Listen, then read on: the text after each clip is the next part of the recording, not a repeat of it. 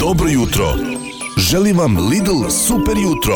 8 sati 3 minuta, 20. oktobar, naš današnji gost, pravi stručnjak kada je vino u pitanju, moram da dodam u ovu najavu koju je Dušica pisala, da sad je probao kafu, malo je prepečena ovaj, dok se pekla verovatno, inače sticam okolnosti poznajem čoveka, a, stručnjak i za koktele, vidjet ćemo da li i za rakiju. Dakle, ovog Lidl Super jutra pričamo some, sa somelijerom i predsjednikom udruženja somelijera Srbije, Dejanom Živskovskim, a on će nam otkriti kako se postaje somelijer, kako se vino a, pravilno uparuje sa hranom, na kojoj temperaturi se vino čuva i ostale tajne vinskog sveta, bogami kafenog, a bogami i rakijskog, a bogami i koktelskog. Dobro jutro, dobrodošao.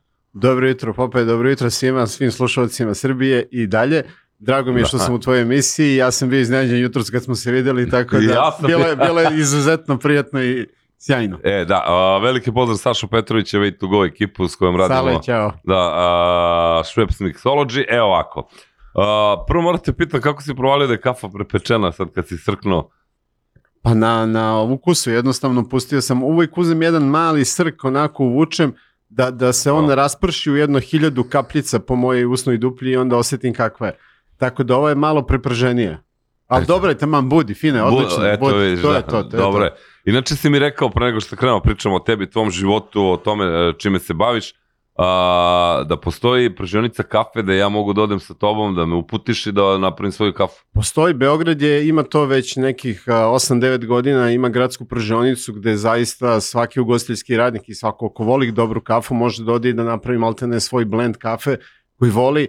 Čovek Mihajlo Kovačević uvozi kafu iz 42 zemlje, ima oko 60 i nešto različitih sirovih kafa, tako da kod njega uvek možete da popijete jednu sjajnu inspiraciju za dobar dan. Da, to je zanimljivo, nisam znao. Šta je zapravo somelijer i koja znanja mora da posjeduje? Ah, teško. Ko, je za, ko je zapravo sommelier? Sommelier je zapravo osoba koja je izašla negde iz ugostiteljstva i on je negde, da kažemo, nekoga smatra konobarom koji više zna o vinu od ostalih. Međutim, nije samo tako. Sommelier mora da zna apsolutno sve o vinu, mora da zna sve o alkoholnim pićima, o kafi, o čaju, čak kakao, kokteli naravno, mlečni proizvodi, hrana, onda mora kad dođemo do hrane, tu je tek ludilo. Jer sommelier mora da zna svaku životinju kako je od buta meso, kako je od paunfleka, kako je od rebara, kako je dande, čisto da bi gostu morao da približi to, da zna sve kako se sprema. Ne treba da zna da spremi jelo, ali treba da zna teoretski kako se sprema.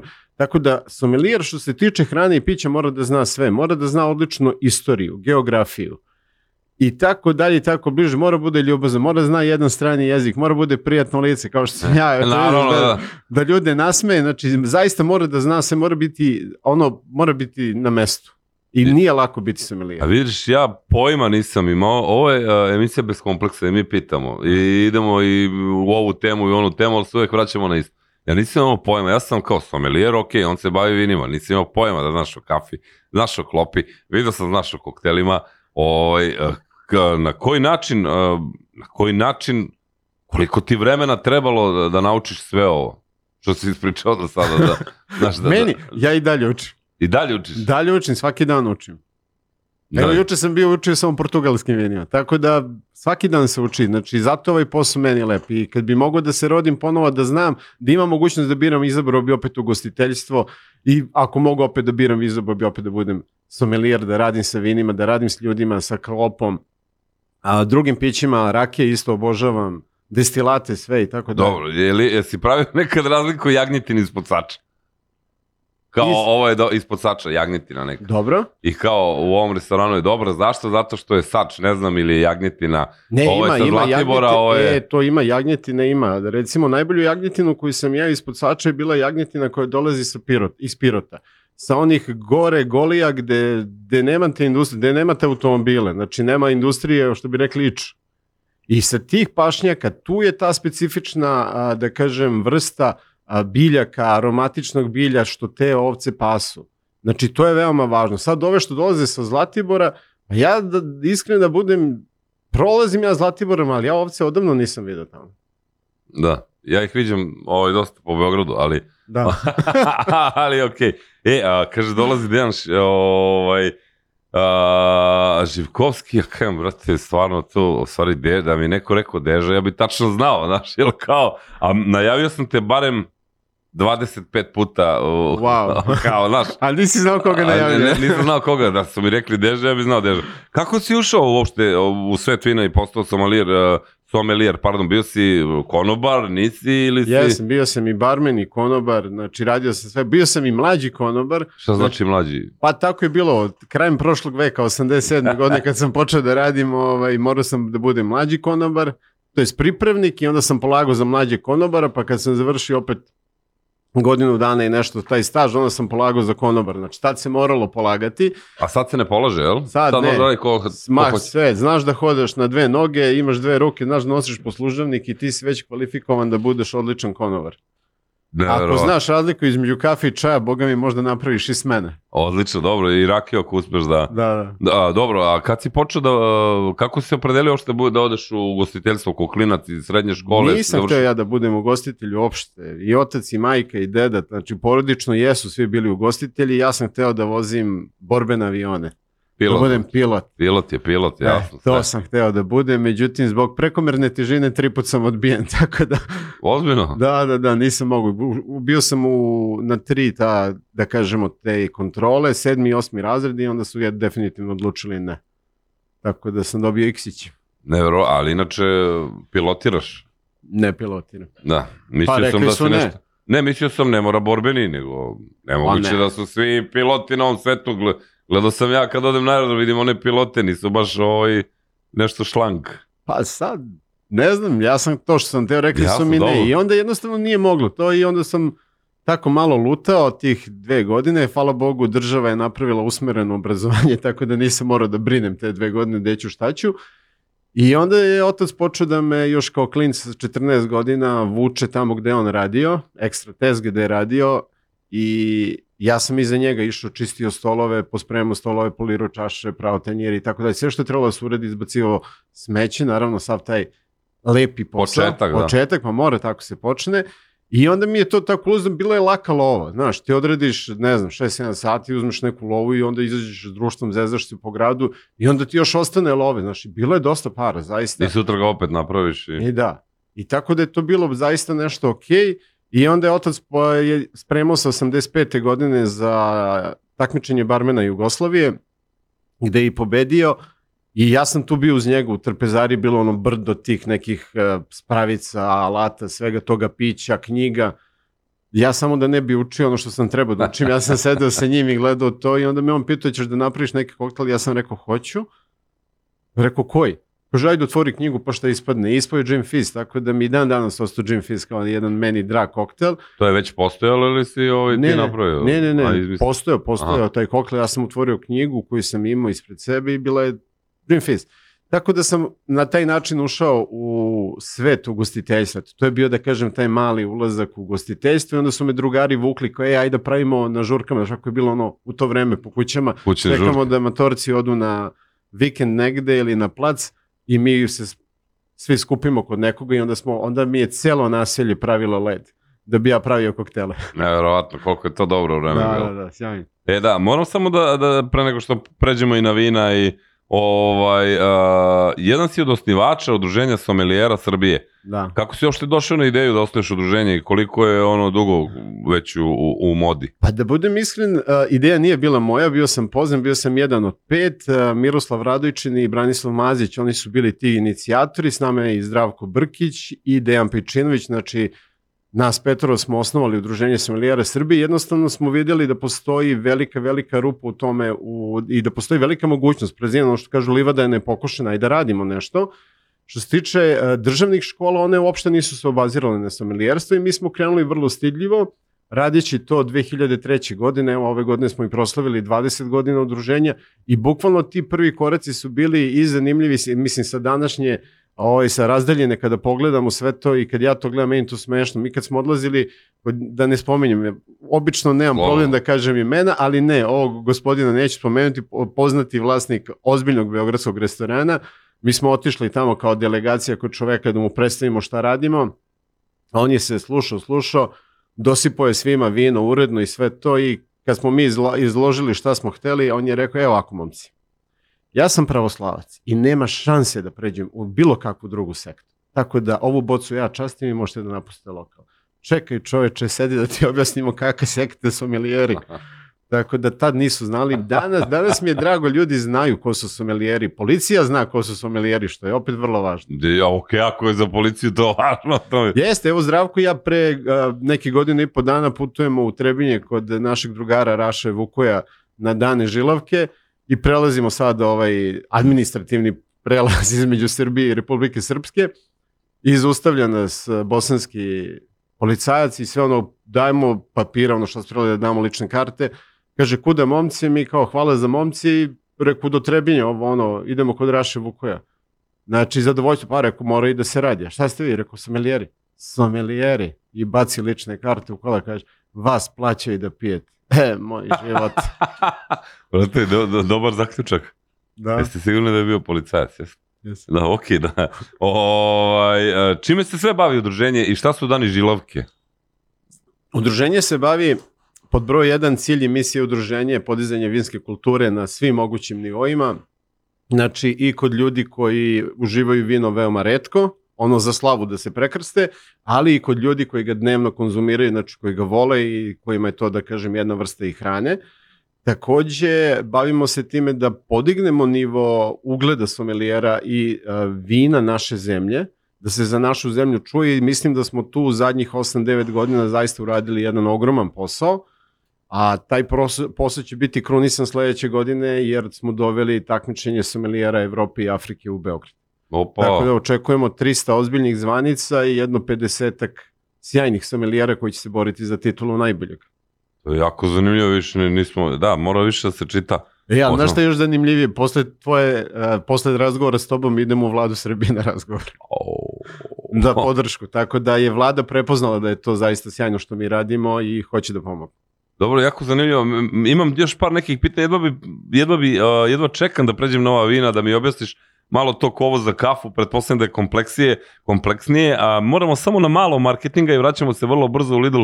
Super jutro, ostanite uz nas, ima svašta da ga pitamo. Dejan Živ, Živkovski, inače popularno Deža, opet kažem da sam znao mi neko rekao Deža, ja bih znao ko je ovako, očekujem gosta. Kao ne znam koje stvari znam, ozbiljno uh, dobro poznajem gospodina i ono što je jako bitno, vidio sam njegovu umetnost ha, kod koktela na jedan guc, kaže šta treba, ali da se vratimo mi na ovo uh, o čemu pričamo, koliko traje obuka za sommelijera i kako ona izgleda kod vas u udruženju, jel imate to, neko sad hoće i kao javi se vama, ja bi da budem i vi primite đaka, ima, jel? Ima i primimo đaka. Đak mora da bude punoletan, odmah da kažem, ne može da bude maloletan, jer ne smemo da poslužujemo, ovaj, niti da nudimo, niti da poslužujemo a, alkoholna pića maloletnim licima, tako da mora biti punoletna osoba. Šest nedelja onda dođe kod nas, mi ga drilujemo, da kažemo onako lepo, prolazi sve i svašta, sve moguće teme, Čak imamo i temu koju mi zovemo personality, gde ih učimo kako da se predstave, kako da priđu gostu, kako da shvate važnost gosta u današnjem ugostiteljstvu. Naravno, učimo ih o svim mogućim regijama, Srbija na prvom mestu, tu su sve komšije iz okoline, Francuska, Italija, Španija, Nemačka, Austrija, Mađarska, znači sve važnije, Novi svet, Amerika, Čile, Argentina, Južna Afrika, Novi Zeland, Australija, znači sve to obrađujemo. Radimo destilate, radimo rakije posebno, tako da zaista naša, jer kafu imamo takođe posebno, obrađujemo kao, odlazimo kod čoveka koji to zna, kod Mihajla, tako da naša obuka traje šest nedelja, nije lagano uopšte i svi koji žele i koji slušaju sada ovo, ja pozivam da se jave, da se dobro raspitaju, da dobro razmisle, ako hoće da uče, dobrodošli su, ako do- dođu da se zezaju, onda zaista bacaju pare. E, Da da, najsrednje. da, to ste da pitam. Da li uopšte ima talenata kod nas koji žele Imamo. šest nedelja da dolaze ili je samo eto kao da bi... Imamo, imamo talenata, hvala Bogu, ovaj, Srbija je gostoprimljiva zemlja, imamo to ugostiteljstvo u sebi, da kažem gostoprimstvo i tako da on, onda sa malim da tim što bi Nemanjići rekli fine tuningom, mi izgradimo, izbrusimo čoveka i spremimo ga za dalje. Tako da mislim da da imamo dosta dobrog potencijala u našoj zemlji i dosta mladih ljudi koji to žele. Kad završi vašu akademiju, Nije akademija, to je samo obuka za sommeliera. dobro, pusti to, mi to tako zovemo, malo da, da pričamo i u slengu. Ovaj, on može, da ima neki legitimitet da, da ode napolje, ajde kod nas. Može, naravno, ovaj, naš sertifikat je priznat apsolutno svuda. Zaista, znači, u čitavom svetu imamo naše ljude koji rade i u Japanu, i u Australiji, u Sjedinjim američkim državama, ponaočito u jednom malom mestu koje se zove Naples, na Floridi, tamo imamo sigurno 7-8 naših sommelijera, imamo ih u Washingtonu, po zapadnoj Evropi, nigde niko nije imao ni jedan problem. Takođe, puno ljudi na kruzerima koji rade, što je dosta popularno sada za mlade ljude, svi koji odlaze sa našim sertifikatom imaju prednost prilikom zapošljavanja. Svaka čast. Zato što mnoge kompanije su prepoznale kvalitet udruženja sommelijera Srbije i recimo jedna zanimljiva priča, naša devojka koja je završila kod nas i odlazi da radi prvo u Katar, pa iz Katara u Dubai, pa onda se prebacuje na brod, Jelena Čolić i onda krene da priča tamo kad je otišla na taj brod, Cunard se zove kompanija, krene da priča sa Megan koja je HR i non stop mi je pričao o Sersi. Ovaj uporno govori da treba da završi WSET, londonsku školu za vino, a ovaj uporno priča, ne, ja imam to, imam sertifikat za trojku. Kaže, pokaži mi sertifikat. I sad, znaš, ono, kad, kad gleda geometar i to razmeri, ja sedim kući, ono, par hiljada kilometara dalje, računar mi je u krilu, ova mi pušta poruku, "E, možda im pošaljaš sertifikat. Ja ga šaljem, recimo, u roku od 30 sekundi. Rekao, za kad ti treba? Već sam ga poslao. Kaže, odmah. Pa rekao, stigo ti je. I onda sam se čuo kasnije sa tom gospođom Megan i onda je ona rekla, molim vas od sada direktno šaljite ljude kod nas, da ne idemo preko agencija i uštede, ti ljudi uštede, jer agencije uzimaju ogromne pare da pošalju ljude na brod. A mi to ne tražimo, nama je zadovoljstvo da nekog zaposlimo. Bravo, svaka čast. Svaka čast, tako da, a kako se dolazi do vas ako neko sad sluša i, Samo ukuca Sersa negde ili udruženje sommelijera Srbije na internetu i vrlo lako dođe i to je to, pošalje mail, Da. vi kažete Ne dođete. treba mail, ima sve tamo, ukuca, sve smo to napravili, može odmah da ukuca svoje podatke, šta želi, šta ga interesuje, odmah odgovaramo, bukvalno u sat, dva ima on definitivan odgovor šta mu treba. Mnogo, mno, mnogo lepa inspiracija ovaj, za mlade ljude, ja da sam mlad, ja bih se verovatno prijavio. I ja. Mada, pa majke mi, zato što eto, dobiš sertifikat, možda radiš gde hoćeš. A, to što trebaš da radiš. 2003. godine u hotelu Hyatt je bilo prvo takmičenje barmena Srbije, jel tako? Jeste. A, negde mi se javlja, u stvari javlja mi Sale, da je Deža osvojio prvo mesto. Da li je to prekrednica u tvojoj karijeri? Jeste, tu je, tu je ono trenutak kada sam posle toga te pobede okačio kopačke o klin i onda, onda su me drugari pozvali da osnovim udruženje sommelijera Srbije. Eto, vidiš. Tako, iz A- jednih cipala u druge. Da, dobro, ali su lepe cipele. Vidim kako pobeda na, na takmičenjima barmena ili sommelijera utiče na neke nove momke ili devojke, na njihovu karijeru i dalje put u toj profesiji. Eto, slicam okolnosti, bili smo zajedno na dva finala, pobedili su nešto malo iz Makedonije, nešto, da, Nebitno dakle su pobedili, pobedilo je ono što da kažemo znanje, veština, dobar koktela, isto je tako i kod na takmičenjima sommelijera, uvek pobedi neko ko je bolji za nešto, za nijansu, za dužinu, nebitno je to. Ali poenta da ovi drugi koji su drugo, treće, šesto mesto ili ovi koji se nikad nisu prijavili da se osmele da se prijave.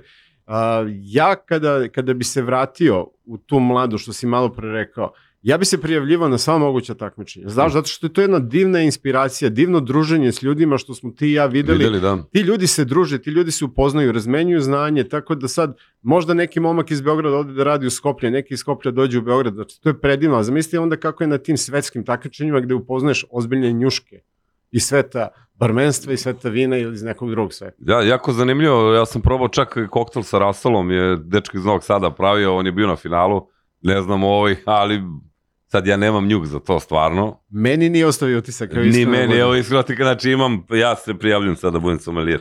Dakle, e, slažemo se. Ovaj, ja moram sad te pitam nešto, pucaju, e, pita, evo recimo, koliko vino može da stoji, jel ima rok trajanja, u šta se pretvori šampanjac od stajanja, da li šampanjac, čekajte ljudi, polako, da li šampanjac, ovo je već druga, da li šampanjac može e, godinama da bude bolji, dakle, koli, evo, pa idemo iz početka, koliko vino može da stoji, jel ima rok trajanja? A vino nema rok trajanja i pitanje za sve slušalace, da li ste nekad uživali u pokvarenom vinu? I već, većina vas će reći ne, ja ću vam reći gledate me u oči i lažete. Da li ste nekad uživali u aceto balzamiku? Jeste? A četo, balzamiku, balzamiku, A za balzamiku miko? majke mi. Pa to je pokvareno vino. Da li ste nekad zelenu salatu prelili sa vinskim sirćetom? Da, jeste. Pa to je pokvareno vino. Znači, vino ne može se pokvari. Ne postoji ni jedan podatak u medicini, u istoriji čovečanstva, u arheologiji, istoriji, bilo čega, da se neko otrovo od vina. A sad, ja sam gledao neke svadbe, pa... A to je količina, ne, ne količina. Da neko uzme jedan gutljaj vina i da padne mrtav ili da bude bolestan i da mu bude loše, nije zabeležen slučaj u istoriji čovečanstva. Balzamiko, pa... Balzamiko vam je pokvareno vino, a vi ga plaćate Boga oca. Ja ne verujem. Koliko je meni drago što si došao, kako ću da se foliram negde. Ovo nije normalno, ovo je, za one koji nisu slušali, kad budemo, pa znaš ti šta, je ti, šta ti je taj preliv? To ti je pokvareno. Pokvareno vino. vino, tako. Tako. A A, sirće je jedino vino koje više ne može da se pokvari od onoga što je pokvareno. brate. Eto, čuli ste, ovo je dobro. I bez sirćeta neke salate nisu dobro uopšte. Nisu uopšte dobre. E sad, da se vratim na pitanje koliko vino možda stoji. Sve u životu ima trenutak rađenja, uzdizanja i doživi svoj vrhunac. E sad, kod nekih vina taj vrhunac je u roku od par meseci, a za neka vina moramo da čekamo i 10-20 godina. I tu onda vidimo koliko je koje vino može da stoji. Posle tog vrhunca vino kreće da pada. Opet, taj pad može biti strmoglav, da padne plus odmah Šta znači dole. da padne? Došli smo do vrhunca, Ukusa, jel? ukusa, mirisa, kvaliteta samog vina i vino više nema gde da ide na gore. Ono tu je stalo. E, posle toga vino kreće polako da ide na dole. Ne može više da stoji. Ili je jedna ravna crta. Što je ta ravna crta duža, onda kažemo da je vino veliko. Što ta, recimo, kod nekih vina ta ravna crta možda traje i 10-15 godina. E, to su velika vina. A kod nekih vina, recimo, odete kupite sada neko jeftino vino 300-400 dinara koja su dobra, ima u Srbiji dobrih vina, velikih industrija koji zaista pravi danas dobra vina i to vam je vino da ga popijete što pre. Nema šta da ga čuvaš 10 godina. Pa do, to su ona vina koji idu sa slave na slavu, znaš. Da. Ja tebi, ti ovome, jel ne pijemo, ni, ni bit. Ali mora sad, uh, šampanjac, da li on može da stoji kao vino? Mislim da odgovorimo E, već. ja bi već, prvo bi uh, divnom slušalcu koji nam je poslao pitanje- slušateljki odgovorio prvo ovako da krenemo. A, postoji šampanjac, ali postoje penušava vina. Znači sad ja ne znam zašto je ona pitala. Ako pita za pravi šampanjac, pravi šampanjac dolazi iz regije Šampanj u Francuskoj i to su zaista spektakularna vina koja mogu da stoje, ali ne dugo.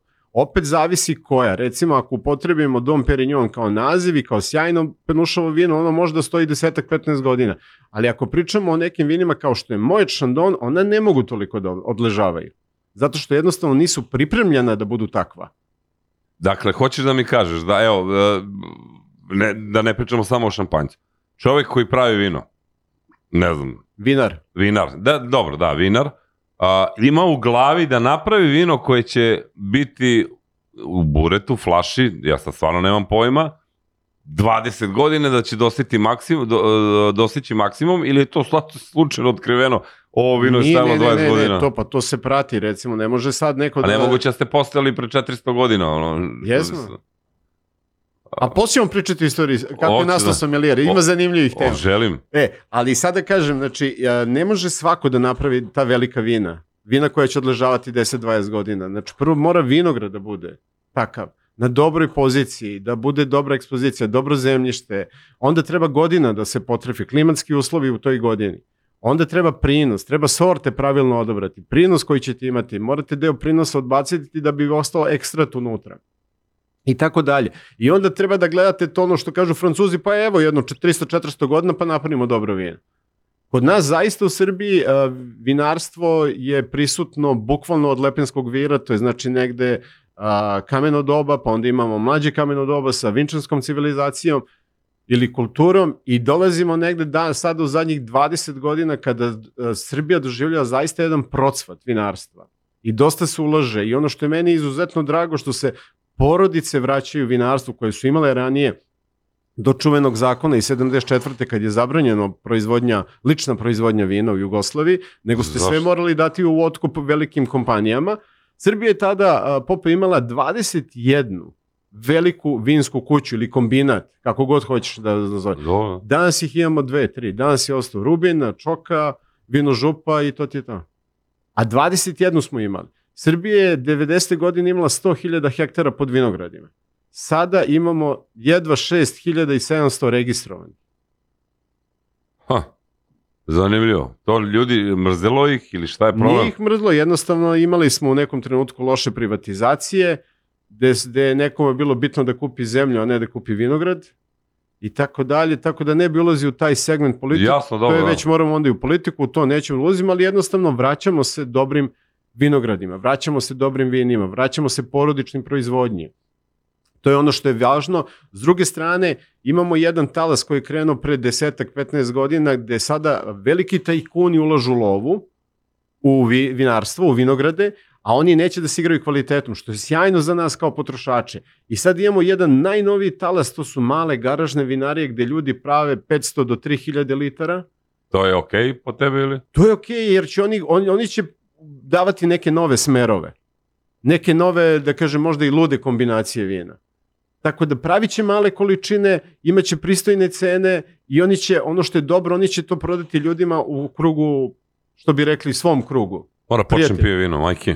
Me, eto, za 32 minuta moram počnem pijem vino. Nisam neki vinopija, ali se tako kaže, jel? Ali mogu da probam. Ali mogu da probam. Pa Pa, nije, to ja je- sam vino pio na slavom, ono, prekrstim se i Ali to. važno je da ljudi probaju. Da, i, I da onda kažu ja to ne volim ili ne sviđa mi se. sve se slažem i bojim se da sad nešto spomenem, bojim se ćeš isukati mač i saseće me na pola, ali ja sam ko klinac pio bambus. Znači, upropaštao. Ja sam. E, dobro je. I špricer. Ne stedim E, se. šp- ne, špricer da. Špricer mi je leti nešto što je ono, ali opet ne, da, da li ja pogađam dobro vino ili... Pa to vidi, moram, ja imao sam prilike kad sam- radio u Kladovu, Hotel Đerdap i onda smo imali neku ekipu iz Laste. I onda su oni rekli, ja rekao, ajde da napravimo jedno piće koje će vam biti skroz spuštena cena da se opustite. Kaže, špricer pijemo. Rekao, dobro, ali koji špricer? Kaže, kako koji špricer? Pa belo rekao, vino rekao, kisela od kog voda. vina pijete špricer? Ovaj Smederevka, ovaj Graševina, ovaj Banatski ovo. rizling je moj čale. Banatski rizling i tako dalje. I onda sam im napravio degustaciju od sedam špricera da odaberu koji im se najviše sviđa. I niko nije odabrao ono što je rekao da pije. Odabrali su graševinu, to je grašac rubinov, što je bilo A. sjajno.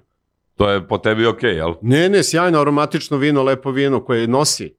Dakle, evo, ja, da ništa rećeš mi posle, koje vino koristim na špricer leti. Znam koju je kiselo, ali ok.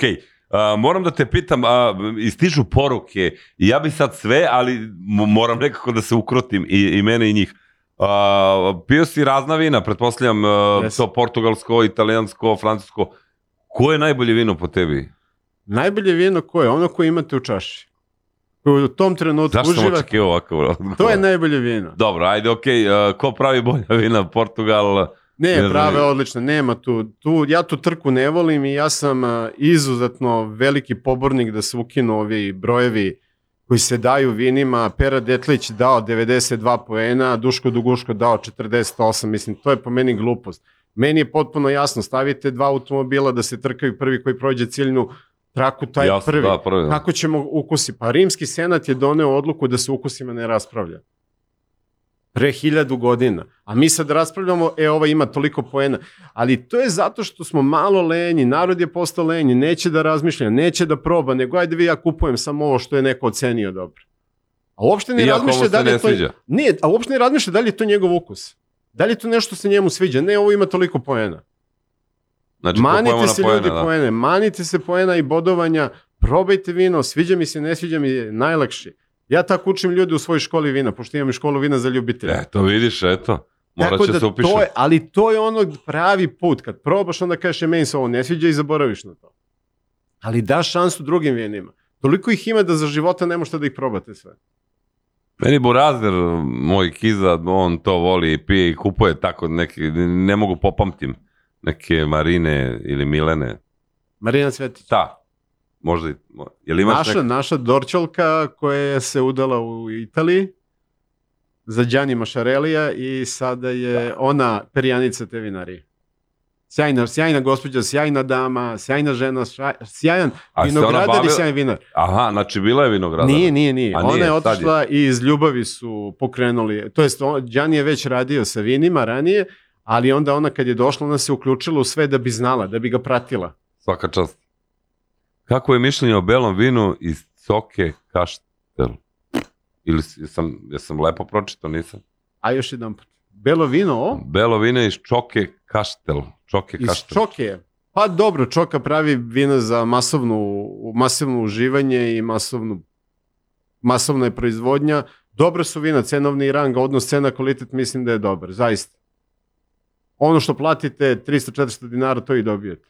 Dobro, da li ste vi sommelijari e, izmislili, e, ne mislim na vas, nego iz Rimskog carstva, ovaj, vino sir, vino uh, grožđe, ono u sklopu koje vino najbolje ide, da se Da. da. čak ima i tu kao ne nema piješ vino uz tu klopu, pije vino uz ovu klopu, da i to ima, jel? Da, ima toga... Ovaj, Ne ide vino i pečeno pile. Ono što naš narod sigurno zna i kada postavite vrlo jednostavno pitanje.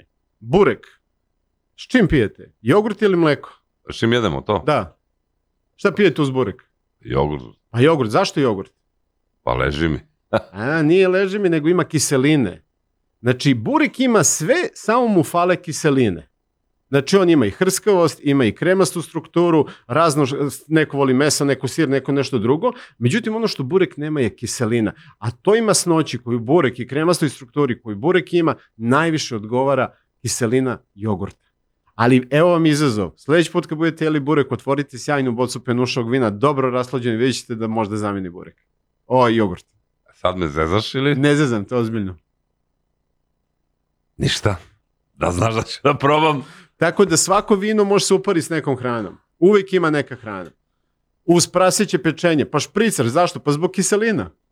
Koji ima i vino i, Vidi, e, stvarno. i ugljen dioksid u kiseloj vodi. A ugljen dioksid je sam po sebi kiseo. Da. Stevane, brate, ne moraš stalno budeš duhovit, ono, pite nešto ozbiljno ako te interesuje, mislim. Ima tu sad, da li treba potvrda, nije osuđivan, mislim, dobro, okej, nema veze, ima tu svakih nekih pitanja, nije bitno. A, sad ja lično moram da pitam, okej.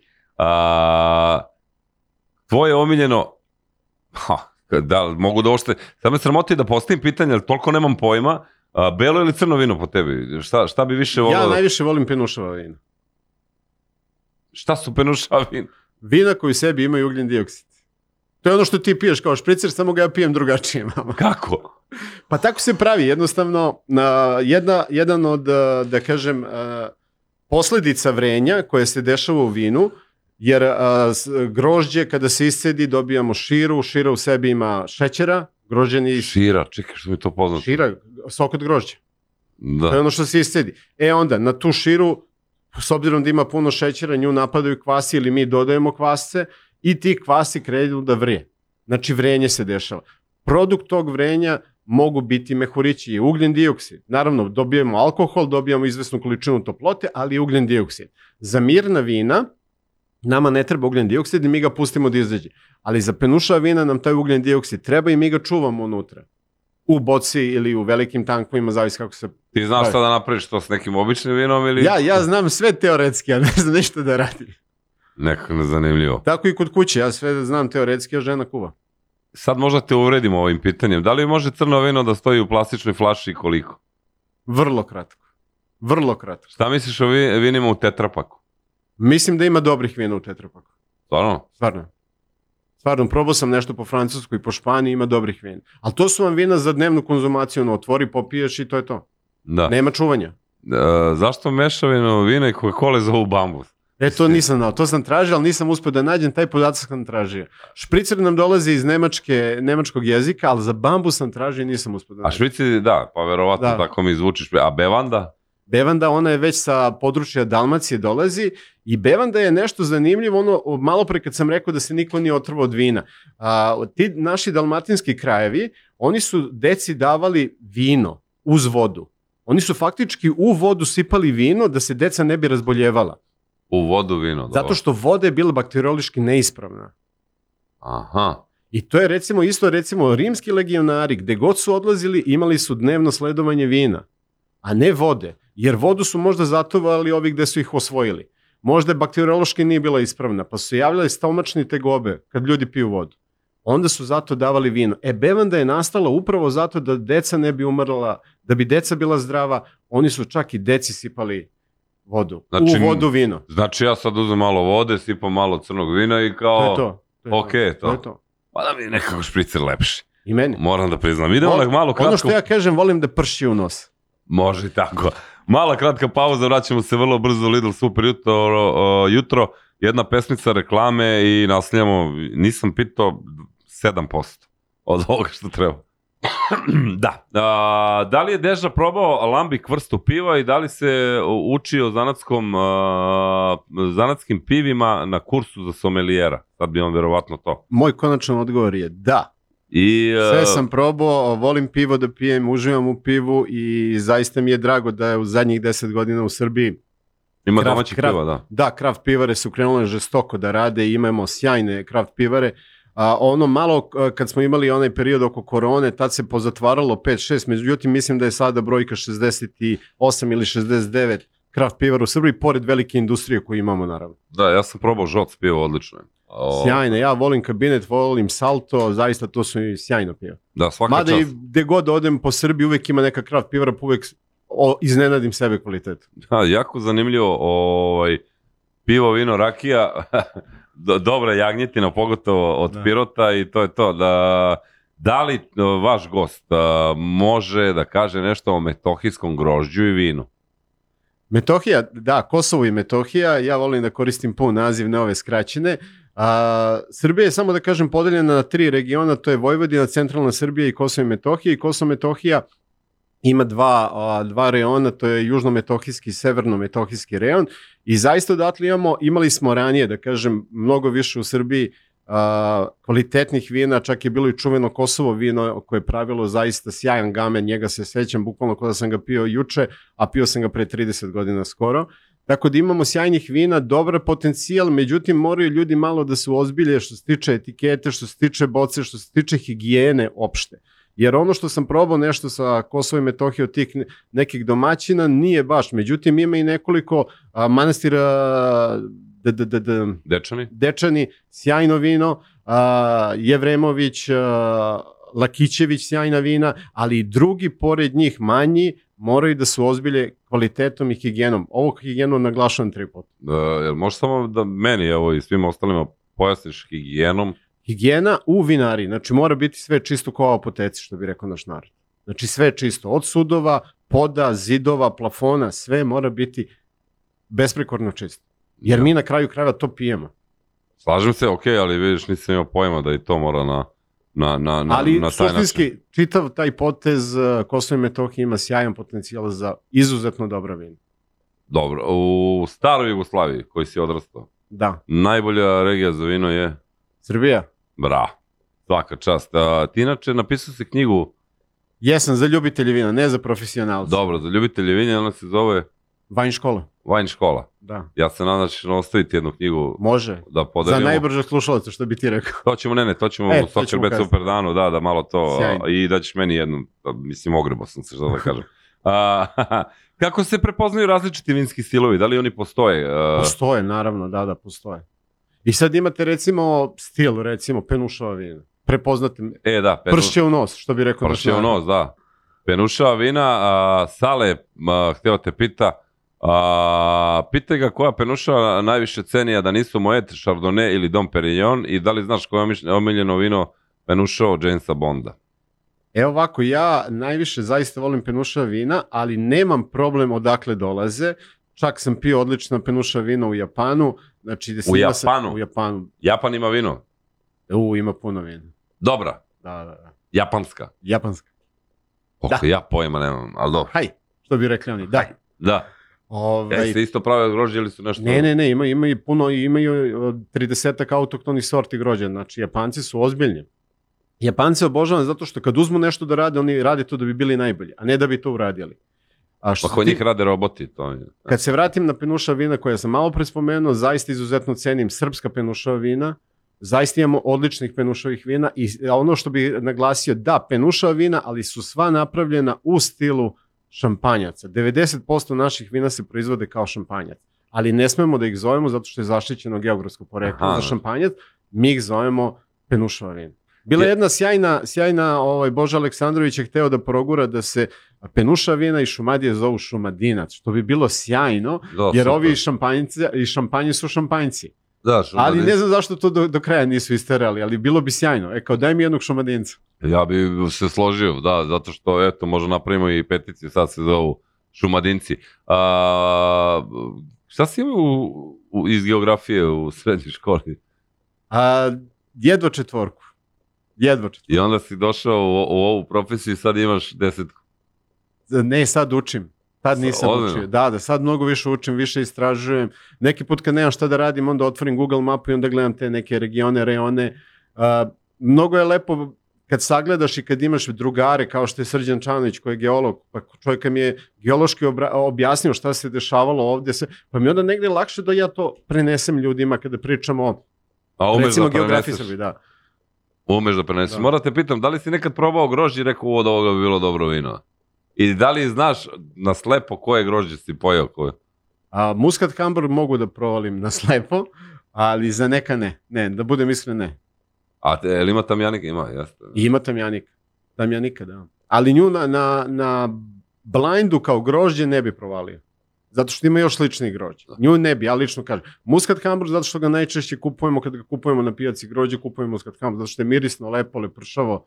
Sad ima neko bez semena, je li to nešto veštački ili nije, nemaš Pa pojma. po to ne znam kako ih vade. Verovatno koriste ove male ručice. od Ne, da, moguće je to. Dobro, koje je najstarije vino koje si probao? A, najstarije vino koje sam probao bilo je na takmičenju sommeliera a, sveta u Argentini. A, to je vino koje sam probao 2016. a vino je iz 1942. godine. I u pitanju je belo vino.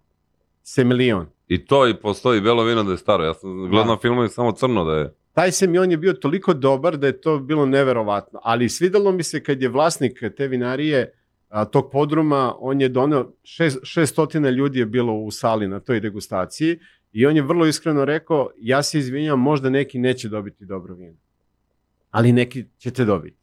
I onda s tog gde smo sedeli koleginica Đorđe Katić i ja, je došlo Dobio dobro, dobro. vino i onda smo delili sa kolegama koji su dobili malo loše vino, ali naše vino je bilo zaista u sjajnoj kondiciji. Tako da to je najstarije što sam uživao. Dobro, a, vidio sam na, u ne, pred vesti samo, pa ćemo ovaj, da se vratimo ovu priču, imamo milion nekih stvari, ja bi sada eksplodirao, ne bi pitao ništa što su oni poslali, nego ja, a, da pitam, jel me interesuje. Ovaj, vidio sam a, u nekim filmovima sedi, ne znam, ekipa, dolaze a, i ocenjuju ta vina, ono što ti ne voliš, te, te bodove, jel tako? Da, da, Pera Detlić i Duško Duguško. Pera Detlić i Duško, ali konstantno je ta neka priča u filmovima. A, I mnogo filmova postoji o vinu. Dobra godina, evo mi imamo tajnu vinove loze. Ajne vinove loze. tako Ovaj, koliko si uh, gledao tu seriju i da li je uopšte... da. Gledao sam je zato što mi je bila zanimljiva zbog a, samog naziva i bila mi je zanimljiva zato što je u njoj, a, i poštovao sam tu, mislim, po, poštujem tu seriju zato što je jednu sortu, zaboravljenu potpuno, digla. Bukvalno je digla, ono, vaskrsla je. To je bagrina. Misliš I- da je to slučajno ili je to neko namenski uradio? da Ne, digne? slučajno, pitao sam, raspitao sam se preko našeg drugara Kubure i to je slučajno. Nije, nije bilo ono namenski uređeno. Ali zašto to ne bi uradili i sa drugim? Zašto mora da drže Jack Daniel? Zašto ne drže, recimo, šljivovicu neku? Dobro, Ja, u ruci. Sve, kod saleta ima, svega ima i šilje, šljivovice, tako da. Ovaj, a, mladi su a, u principu i kroz filmove ranije a, su uglavnom bio viski, daj mi viski, daj mi. A sad nekako sam primetio da a, mnogo više ljudi kod nas pije šljivovicu. Da. Zato što su se vratili dobri šljivovici, nije više ona industrijska, nego su počele opet ono što, što je e, slučaj u vinarstvu, to je slučaj u destilerijama, da se destilerije ponovo porodično vraćaju. Znači, ljudi koji su proizvodili pre 50, 60, 70 godina, oni se vraćaju tom svom, da kažem, porodičnom zanatu, da prave dobru rakiju. Ima i neke druge poslove sa strane, ali hoće da napravi dobru rakiju, hoće da je ostavi, hoće da pije svoju i tako dolazimo od toga da Srbija sada ima pregršt odličnih rakija, ali ne dobrih, nego odličnih rakija. Sad se opet vraćam vino, e, p- e, moram vesti, e, zar nije, ček, ček, ček, ček, da li poznaješ šta mi, ne, čekaj, stani, de, uf. Zar nije ispravno crveno, a ne crno vino? Što bi ja rekao, dokle god konobaru plaćate račun, zovite ga kako god hoćete. Ok, da li poznaješ šta misli o destileriji Branko sa Dorčola? A, nisam puno probao od njih, tako da ne bi, ne bi da pričam na pamet. Idemo na vesti, imamo uh, par zanimljivih pitanja, sad već ulazimo u profesionalizam. 9 sati 7 minuta, Dejan Živsko, Živkovski, kod nas u gostima, popularni deža, somelijer, pozdravljaju nas ljudi i kažu jako zanimljivo, mnogo njih nije znalo o vinu, a boga mi uh, i o belom i o crnom, ok, tak, skapirali smo, a nisam ni ja. A, malo pre si mi samo rekao a, o istoriji sommeliera, da je jako zanimljiva priča kako ste nastali ili uopšte kako su nastali sommelieri. Sommelieri su, da, i postoji nekoliko legendi, ja uvek eh, predstavim sve legende vrlo kratko i kažem ljudima izaberite koji god hoćete, ali ona gde ima najviše uporišta u samoj reči sommelier koji dolazi iz francuskog jezika, da su to bile osobe koje su imale zadatak da natovore razne životinje kao što su magarci, konji, volovi koji su nešto vukli. I a, kada mi kažemo da natovarimo u današnje vreme, kažemo pa dobro, stavi se tovar. Međutim, oni su morali da izbalansiraju tovar levo i desno. Mm. Leva i desna strana da se ne bi prevrnuli i imali su zadatak da taj isti tovar isprati iz tačke A u tačku B. I između ostalog, često je taj tovar bio vino. To je bili borići sa vinom. Tako da, i odatle kažu da je do, došla ta reč sommelier, i odatle potiče Nikad naša profesija. pretpostavio ne bi. A opet ima druga opet uh, priča iz Francuske takođe da su sommelieri bili, uh, što bi mi rekli, adjutanti velikih glavešina, barona, bla bla. I sad oni kad su putovali iz tačke A u tačku B, pa odmore u nekoj između tačci i tu recimo da prespavaju, ta osoba koju mi danas zovemo sommelier imala zadatak da ugreje a, postelju svom gospodaru. Znači da krevet bude topao kada on dođe da legne, a on je recimo bančio do 3 ujutru. Tako da, to je još jedna stvar. Znači, takođe se staro da posteljina bude čista. Šta je Evropa, je? Da, da, da. Gde je smo mi, gde je Unija? Da, da, da, da legne za... Dobro, sad imamo radijatore, nije, nije ni bitno. A ovi, e, ja sam sve nešto mislio da su to sommelieri nastali od onih ljudi koji su probali vina za kraljeve, sad nemam pojma. Da nisu otrovani, da...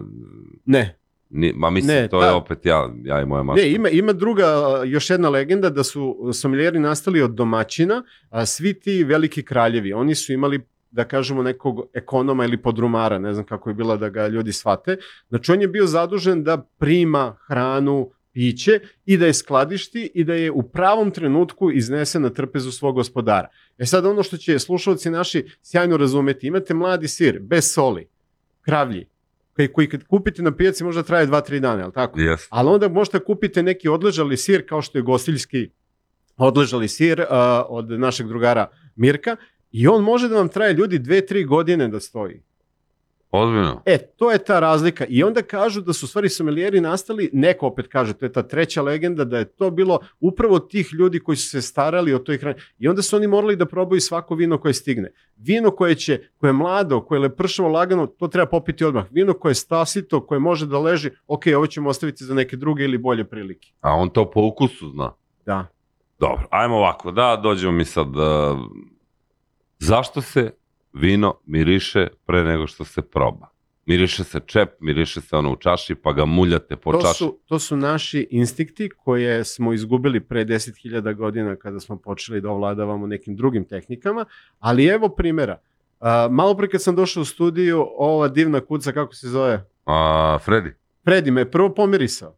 To smo i mi radili pre 10.000 godina. prvo bi- smo se mirisali. prvo smo mirisali, ne samo nas, nego smo mirisali i hranu. Sve, da. da vidimo da li to, ako to mirisu odgovara, ok, onda se uzme mali zalogaj, znači sve što rade kuca i maca danas. Uzmu mali zalogaj, hm, dobro, sviđa mi se i onda uzme i pojede. E, to je to. Zato mirišemo vino. Znači, mi koristimo sva čula da bi prepoznali vino, da bi uživali u vinu. Recimo, prvo čulo koje možete da koristite je vid. Pa vidite da li vam se boja sviđa. Da li je zamućeno, da li nije zamućeno, da li ima pojave gasa, da li ima pojave taloga, bla, bla, bla, bla. Drugo, znači onda to je čaša koju gledate. Ali takođe tu čašu možete da pipnete svojim sledećim čulom, to je čulo dodira. Da vidite da li je dobra temperatura tog vina. Onda imate ukus, miris, pardon. Prvo ide miris, ide nos, pomirišete, vidite da li vam se vino sviđa. Osetite ovakve, onakve arome. Takođe možete osetiti da je vino na čep, što bi rekli, kork. I onda ga na kraju uzmete i A prvo uzmete malo pa ga muljate Maljate, po ustima, ono, ispirate usta ili Da. već. Da, da, da, da, opere, promuljate. operemo zube, što bi Dobro, i šta, šta osetiš te u tom muljanju? Šta? E, u tom muljenu možete da osetite da li je vino bilo u drvetu ili nije bilo u drvetu. Možete da osetite a, telo tog vina. Možete da osetite dodatne arome, možete da osetite arome koje se kasnije razvijaju, koje zovemo tercijalne arome, neko ih zove buke i tako dalje, bla, bla, bla, bla. Takođe možemo koristiti i čulo sluha. Kako? E, Evo, kako, molim? Evo, dve čaše. Sipaš u jednu lagano vino i onda će više da žubori. Sipaš teško crveno vino, recimo, odležalo x godina, ono će da ima tuplji zvuk. takođe čućeš ono... Sad ti mene teraš da radim kući, sad ovo nije ja. Znaš, ja sad ima ima. Dobro, koliko je čaša bitna? Izuzetno je bitna. Izuzetno je bitna, ali bitno je da ne propušta. to, to mi je jasno. Ne ozbiljno, zašto je bitna? Bitan je oblik, oblik čaše može da pospeši, oblik veličina a, čaše može da pospeši a, te arome. A ono što treba e, naši slušalci da znaju kada hoćete da kupite za kući čaše, kupite jednu vrstu čaše, bitno da ih ima puno, i kupite oblik koji je najpribližniji jajetu. Nećete pogrešiti. Znači dole da E, bude malo šira, gore malo uža, veličinu sami odaberite, ali jedno od 3 do 4 deci i to je to. A zašto da bude oblik jajeta? Zato što se vino non stop u tom obliku pokreće i razvije. Kao Da. i život u jajetu. Ok, ajmo sad ovo da te pitam. Uh, opet uh, se vraćam na filmove. Gledao sam stare, nove, nije bitno, ovaj, filmove, italijani sede, čak i tamo Dalmacija, nemaju te čaše kad piju vino, nego imaju neke male, Male, da, normalne čaše, kojih mi zovemo stolovač, one, znači čaše koje... da, zastalo, ok. Pa takve su bile prve čaše.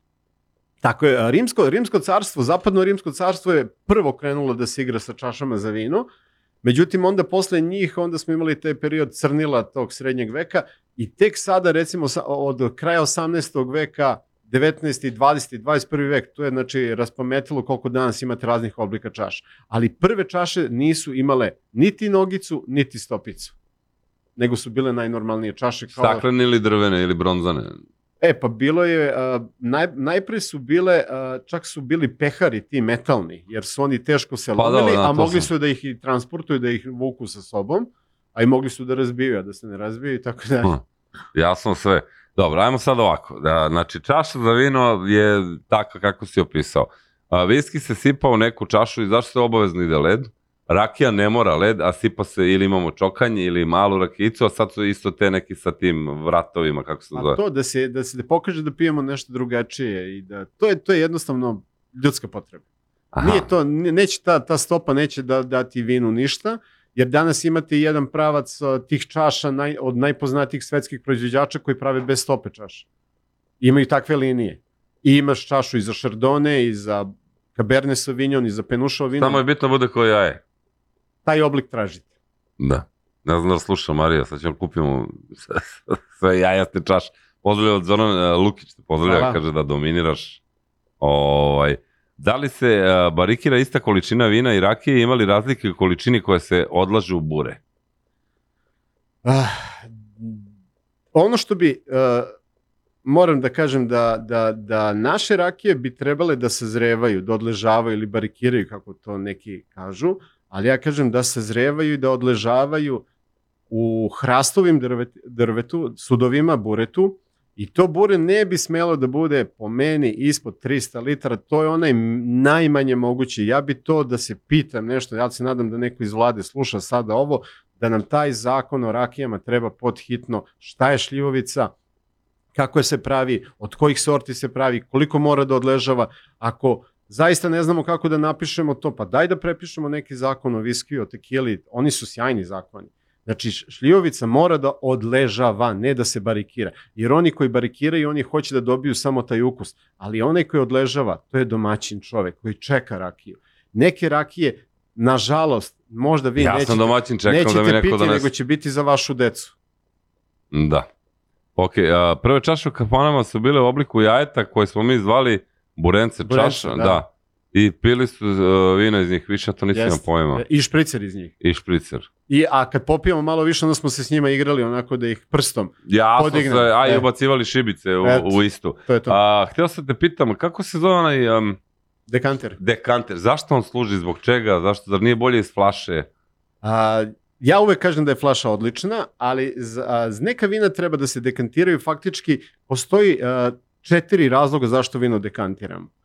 Prvi razlog, ako imamo talog u vinu i taj talog ne želimo da dođe na nepca naših gostiju, onda se vino lagano dekantira i obično se koristi svetlo sveće, danas možete koristiti svetlo svog mobilnog telefona, znači onu baklju, da pustite, to je prvi razlog. Drugi razlog, vino dekantiramo i sad ovde kad sam rekao kod prvog razloga, možete da maštate o boji, možda bude i belo i roze i crveno, a možda bude i pinušovo vino. Drugi razlog, ukoliko nam prilikom otvaranja pukne čep i delovi čepa plute završe u vinu, To je drugi razlog zašto dekantiramo vino i opet mogu biti sve boje vina plus penušalo. Treći razlog je ukoliko imamo mlado vino, mlado vino pod znacima navoda. Nemoj posle na sajmu vina da čujem da je neko rekao deža, rekao sva mlada vina se dekantiraju. Mlado vino je ono vino koje ima mogućnost sazrevanja, odležavanja, da svoj potencijal pokaže recimo za 20 godina, ali popu i meni se ćefnulo da ga danas pijemo. E to vino mi mora da dekantiramo da bi ga pripremili, faktički da bi upravo velika količina vazduha i kiselnika uticala da se vino otvori, da bi bilo spremno za piće. I četvrti razlog je ako to gost traži. Ja ću ovu emisiju pogledam još par puta, pošto si me, evo, sad već u sat i 17 minuta nagovorio da počnem da pijem vino, špricer pijem, lagano, moramo na marketing, vraćamo se vrlo brzo u Lidl Super jutro. 9.23 e, i dalje smo u, sa somelijerom u, u studiju i pričamo meni pravo kažem začuđen sam i nagovoren i oduševljen nekim stvarima i nekim podacima koje nam je gospodin Dejan izneo u ovoj emisiji. Ja moram sada da pitam, uf, toliko pitanja ima, ja bih pitao, slušalci bi pitali, imamo pitanja za tebe, koje su vina poznata po svojoj dugovečnosti i sposobnosti za staranje, da li to već znaš, e, ovo vino će biti to ili neće, ili je to do domaćina? Pa tu najviše treba gledati, pratiti istoriju. Jedna, da kažem, statistika šta se dešavalo x destina, stotina godina nazad i definitivno su tu te prepoznate regije kao što je Bordeaux, recimo, on je tu broj jedan i njihova vina su najcenjenije i dostižu zaista astronomske cene. I po toj dugovečnosti uh, ima tih vina koja mogu zaista 30-40 godina, ali čisto da kažem našim slušalcima, u Bordeaux se ima i oni tamo vina i za 2-3 eura, da ne mislite da su sva vina Bordeaux skupa. ne, ne, dobro, da. Tako da i za svakog ima po nešto, za nekoga sve. Uh, ok, kada, da li znaš uh, koja je razlika između vina iz 2009. i 2019. recimo? Po godini. Pa dobro, da. Ok, mislim kad ih otvoriš, ovo je mlado da, vino. Da, ovo je mlado vino i zaista je lagano lepršo, znači to je to kad otvorite vino koje je godinu, dve, tri staro, ono mora biti, pokazati mladost. A vino koje otvorite koje je staro 10, 15, 20 godina, ono mora da vam pokaže ozbiljan kvalitet, ozbiljnu, ako je dobro. Znači ono mora da pokaže tu patinu da postoji, da je postojalo toliko godina. Samo da kažem kod čepa, verovatno će neko pitati, ali E, bolje da prvo... Čep, plutani čep ima zadatak da propušta vazduh, a ne da spreči. Zato što je vino živo i vino diše. A, Plutani čep, dakle, ima... Tako je. Plutani čep je porozan i on propušta vazduh. Mikrooksigenacija se to zove stručno. Ko bi rekao? A imamo i ove čepove koji ne propuštaju vazduh, koji su plastični, metalni, stakleni, sintetički. E, to je za mlada vina. I kada ono, kupujete takva vina, za početak kupite godinu do tri unazad. Nemojte kupovati sa navojnim čepom vino koje je staro 10 godina. To ćete kupovati kad probate pregršt vina, kad budete naučili nešto, kad pročitate knjigu, kad dođete na obuku, e onda ćemo vas pustiti i ta vina. Ali sada kupujete godinu do tri stara. Jako zanimljivo. Sad, a, pa, pitajte za plantaže crnogorske, Vranac. Jel Vranac, jeste Vranac? Vranac odlikovani. Odlikovan, jel? Jeste, odlično. Medalju. Odlično vino. Po naročito njihov Vranac Procor D, zaista, eto, pre neki dan sam to pričao s ljudima o tom vinu, koju god godinu da sam našao, koliko god da je staro, ono je dobro. Dobro, vrlo dobro, odlično. Tako da, sjajno vino. Da li Merlo spada u plemeniti sort? Šta je Merlo? Merlo je sorta vinove loze i dalje plemenite, ili ne, to ne bi znao, to mislim malo je pitanje čudno, Pa, ali to je sorta vinove loze za proizvodnju vina. A, evo, možda ponoviš samo još jednom, čovjek nije nešto izašao iz auta, koliko god je uh, najstarije vino koje je gost probao, to si u Argentini, tako? 1942. 42. Belo vino. Semjon. A crno? A crno sam, bila su mlađa. Bila su mlađa od ovoga. Piletina.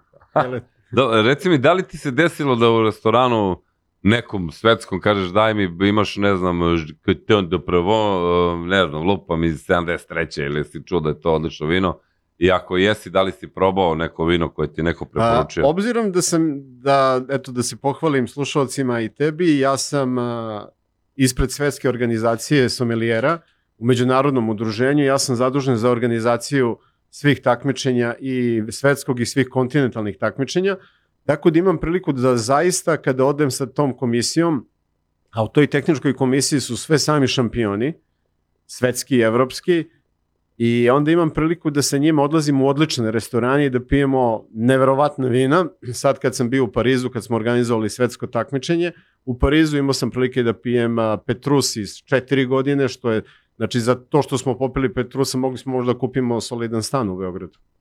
Molim? Da, tu je boca vina, recimo, ovo plike oko 10-11 hiljada evra.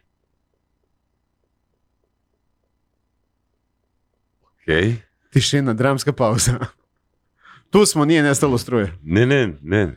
Okej. Dobro, sa- aj, evo sad jedno pitanje. Evo i mene ovo recimo internet. 11.000 eura. Da. Koliko ste popili? Pa po jednu bocu, četiri boce.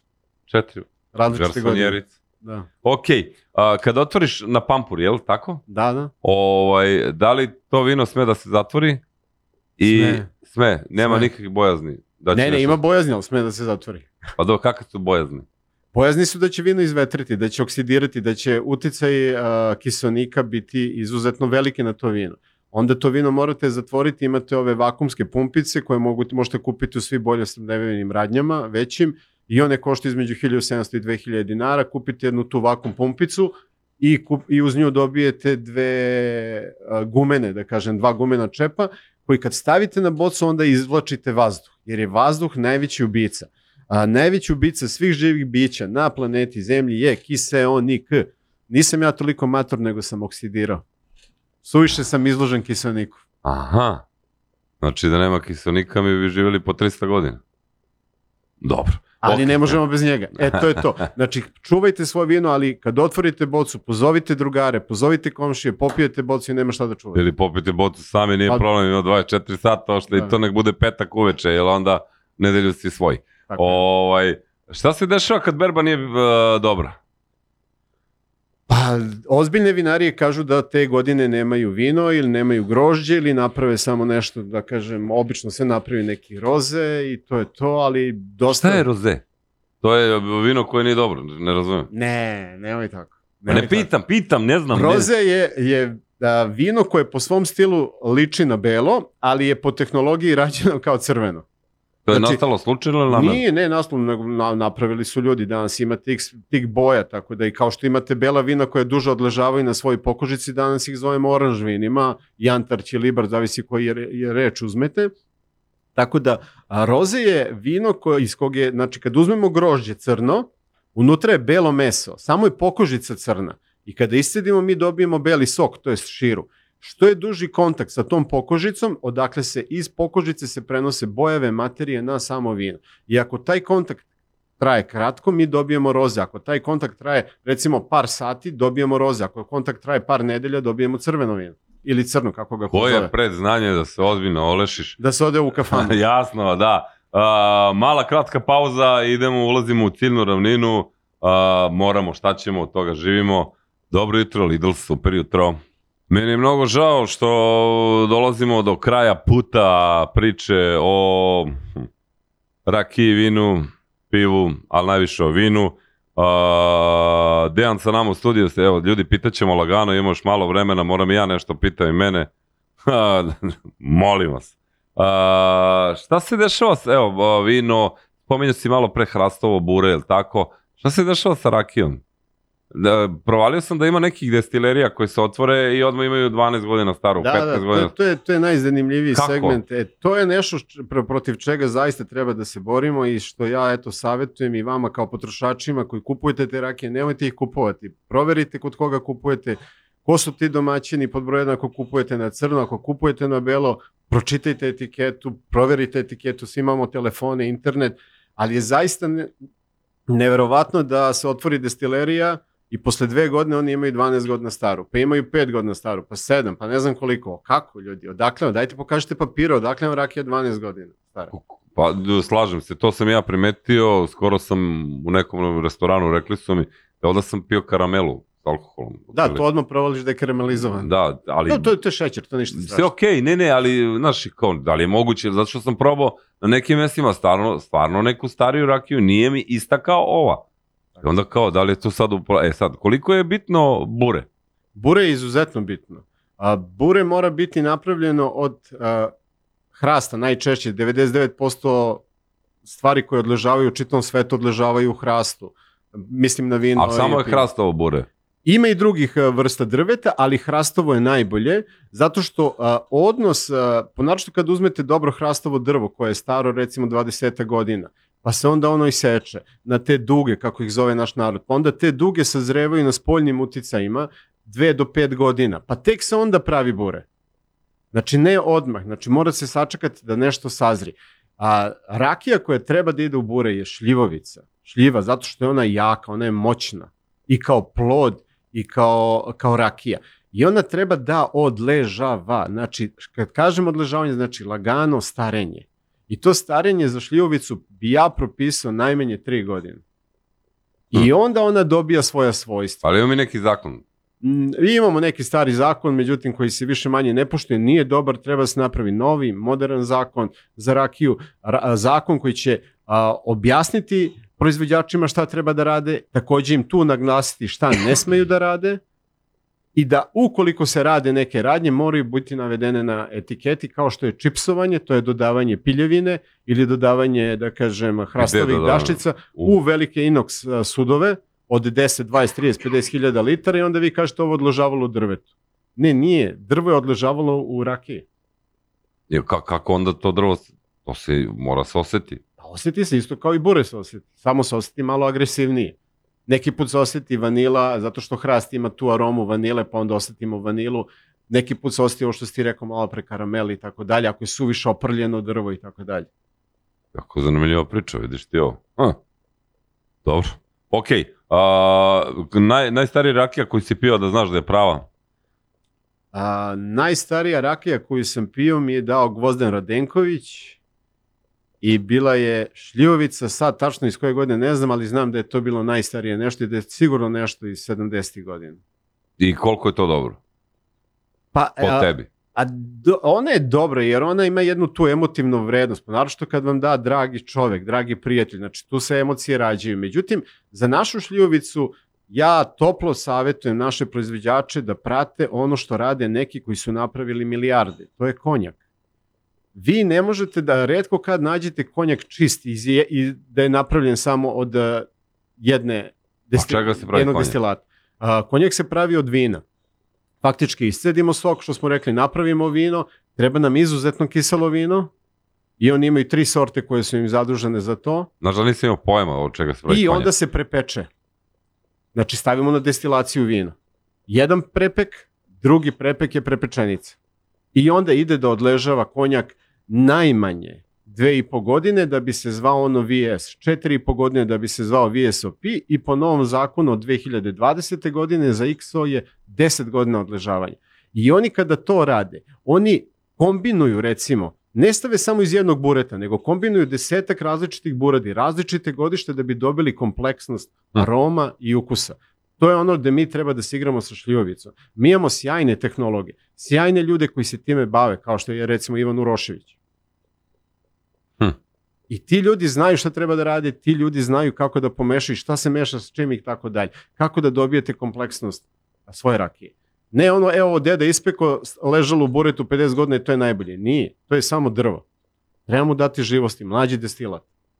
Vidiš, e, jako zanimljiva priča, pogotovo za konjak. Da onda, pretpostavljam, vinjak je od vina isto. Isto.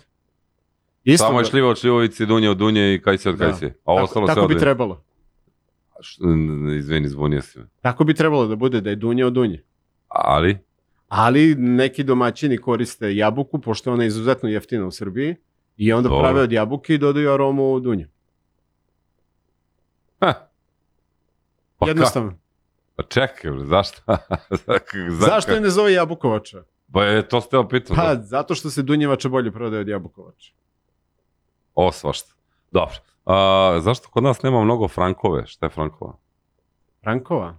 Jel možda nam poja, pojasni? A, Frankovka sorta. A Frankovka? Ima, aha. ima, imamo sortu, imamo dosta, imamo sjajan zasad u Levaču, jedan divan zasad i sjajna vina, ali jednostavno ih ne pijemo. Nažalost, od kad su nam otišli Austro-Ugari, manje ih pijemo, manje ta vina negde i poštujemo, ali a, verujte mi da neke Frankovke koje su bile u našoj zemlji, sjajna vina, kao što je Milijan Jelić, kao Boždar Aleksandrović, sada vinarija Bora, sjajne Frankovke, topla preporuka, mislim da će i Zvonko Bogdan da radi nešto od Frankovke, da je čak i imaju u zasadima. To je odlična sorta, a, dugo je prisutna na našem podneblju i čak možemo reći da je naša.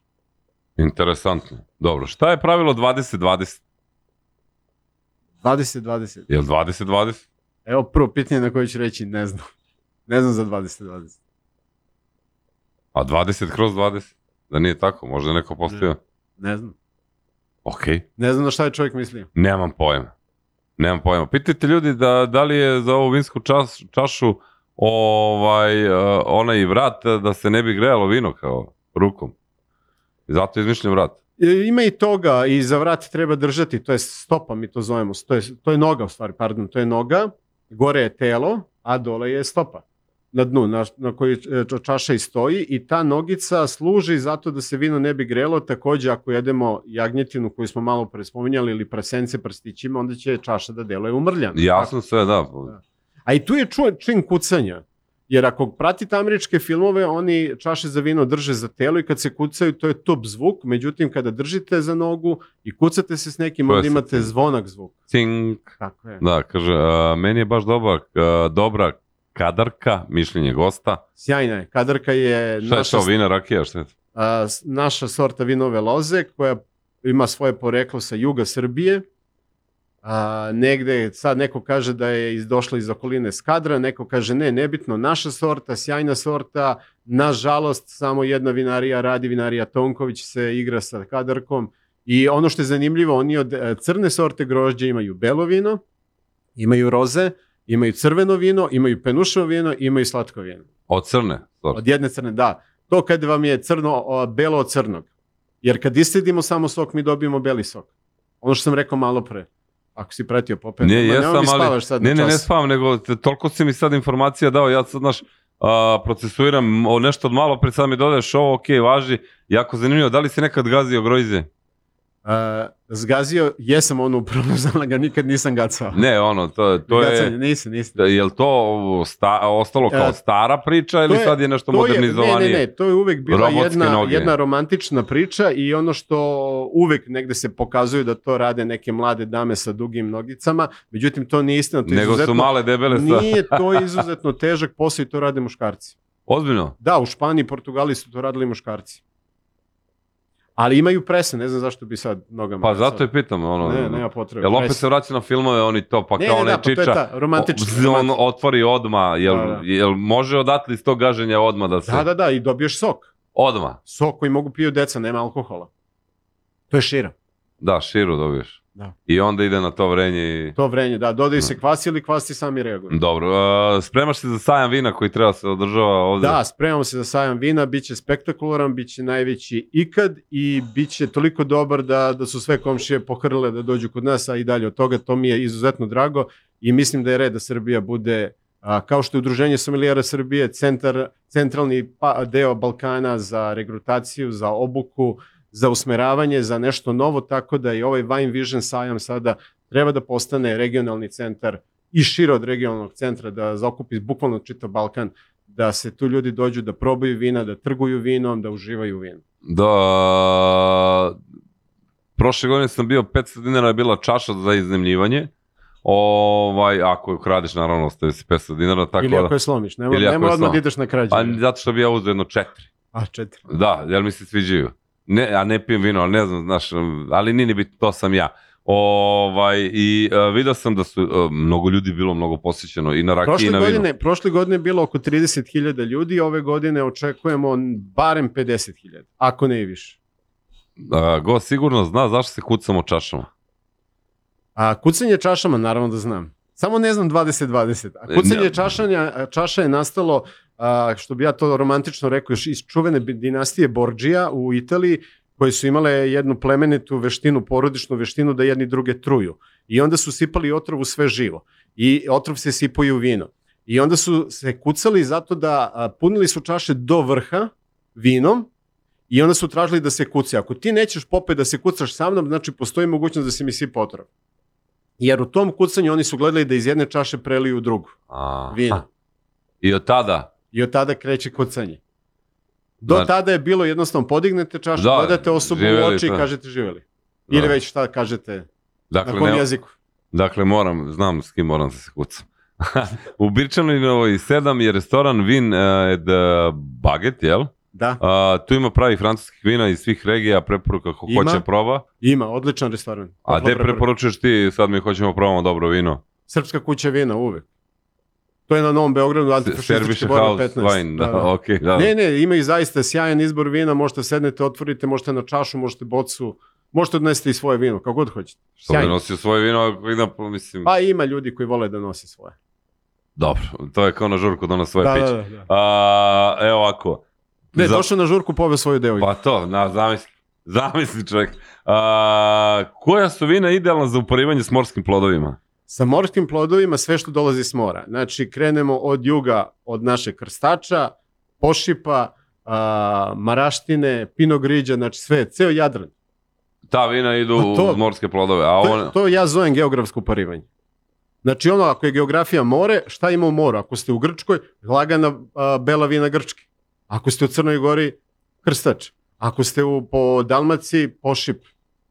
Ja, eto, jako, jako ču... a šta- Malvazija takođe, znači to su ta vina. A, a šta ide uz prase jagnje? E, ja još, Pope, nisam našao vino. Proputovao sam lepo čitav svet. Ja još nisam našao vino koje ne ide uz prasitinu. Stvarno? Znači, prasitina je za mene, ono što kažu, car životinja. ja slažem. Jer, jer definitivno svaki deo praseta, i to se spremam da napišem jedan članak ili knjigu čak o tome, različita vina sveta sa presencetom sa ražnjom. Jedva čekam i tu knjigu, ja moram ti se zahvalim, a, evo ga, skoro 10 do 10, a, što si bio naš gost, da moram samo za kraj da te pitam, a, da li je stvarno vino dobro za srce? Jeste. Dobro, a, dobro. I to- ponarošto ova crvena vina i vina, a, a šta je tu dobro za srce? To je dobro da iz a, semena, ti a, polifenoli kad se izvuku, i semenke grožđa, je što ih više ima. Recimo, kada kupujete takvo vino, odaberite vranac Procorde zato što ga on ima više nego običan vranac. Jer oni rade na tome. Plantaže 13 jula su to odradile namenski, ali su to čuvale u tajnosti 10-20 godina. A zašto? Pa ni oni sami ne znaju. Nemaju pojma. I Tajna vinove loze. A taj ne lozi i onda kad su krenuli tu kampanju u reklamu, onda je bilo bum svetski kao. Ok, pite vino, bit ćete zdravi, šta da vam kažem, a, ukoliko želite a, da imate obuku, udruženje sommelijera Srbije, samo ukucate to sve na sajtu, ali tako? Tako je. Sve vam izađe šta treba. A, meni si nagovorio da pijem vino, a, za kraj samo ste pitam neka pesma koja opisuje tvoj život. Ja bi, ja bi za kraj prvo rekao, kada vozite ne pijete, kada pijete Važno. ne vozite, a koja bi opisala, pa ima puno pesama koje volim, ne znam, Van Gogh, neko ti ima noći se. Eto. Hvala ti puno, a, vidimo se mi verovatno na Schweppes Mixology 2024. Tri, tako je. Ovaj, a družit ćemo se još, ja sad idem sa tobom da mi daš a, jednu knjigu za slušac, jednu za mene, koju ćemo... sa o- posvetom, za tebe sa posvetom. Hvala najlepše. Ovo je bio Dejan a, ili ti popularni Deža, ukoliko želite. Dakle, rekli smo Udruženje somalijera Srbija, mi odnosno na reklame i a, za tebe malo posle Portugeze, pošto voliš portugalska vina. U stvari sva vina. Super FM.